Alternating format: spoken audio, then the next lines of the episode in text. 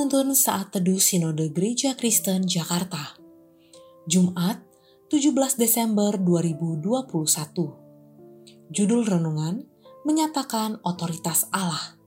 Diambil dari Nas 1 Samuel 17 ayat 41 sampai 50 Orang Filistin itu kian dekat menghampiri Daud dan di depannya orang yang membawa perisainya Ketika orang Filistin itu menunjukkan pandangnya ke arah Daud serta melihat dia, dihinanya Daud itu karena ia masih muda, kemerah-merahan dan elok parasnya.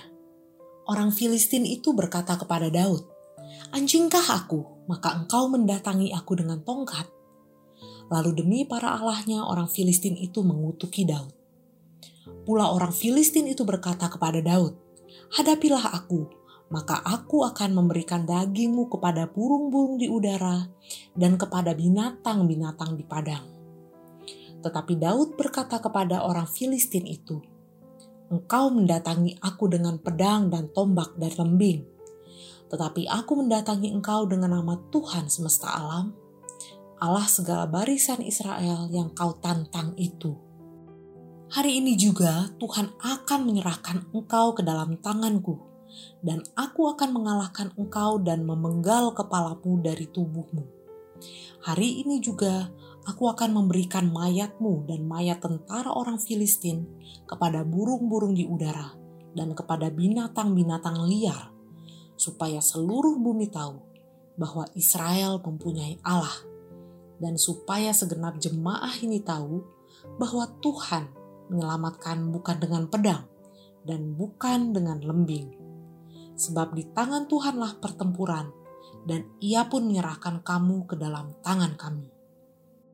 Ketika orang Filistin itu bergerak maju untuk menemui Daud, maka segeralah Daud berlari ke barisan musuh untuk menemui orang Filistin itu. Lalu Daud memasukkan tangannya ke dalam kantungnya. Diambilnyalah sebuah batu dari dalamnya, diumbarnya. Maka kenalah dahi orang Filistin itu sehingga batu itu terbenam ke dalam dahinya, dan terjerumuslah ia dengan mukanya ke tanah. Demikianlah Daud mengalahkan orang Filistin itu dengan umban dan batu. Ia mengalahkan orang Filistin itu dan membunuhnya tanpa pedang di tangan. Seekor musang madu atau honey badger sedang bertarung melawan seekor ular kobra yang cukup besar semua penonton kanal National Geographic Animals mengira ular kobra yang ganas dan beracun akan menang atas musang madu tersebut. Justru sebaliknya, si ular kobra menjadi menu makan siang bagi musang madu. Pertarungan Daud melawan Goliat jauh lebih mustahil. Daud, anak muda yang tidak berpengalaman, menantang Goliat raksasa Filistin yang ganas. Goliat yang gagah perkasa memiliki kekuatan dan persenjataan yang tidak tertandingi, baju zirah tembaga dan lembing tajam yang mematikan. Sedangkan Daud hanyalah seorang gembala yang masih muda, tidak punya pengalaman perang, apalagi untuk mengalahkan seorang tentara raksasa. Tujuan dia hanyalah membawa roti dan keju untuk saudaranya di medan perang.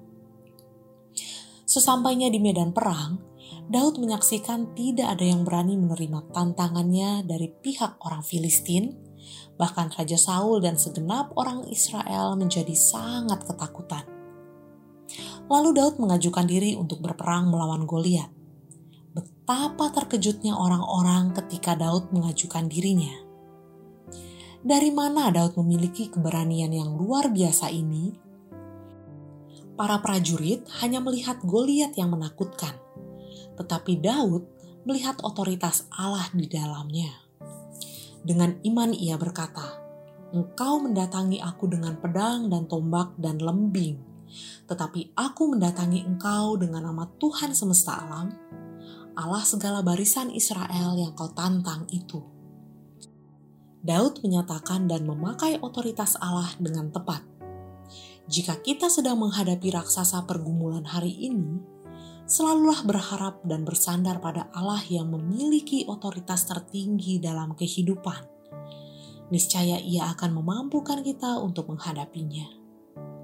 tidak ada raksasa yang lebih besar dari Tuhan Allah kita. Solideo Gloria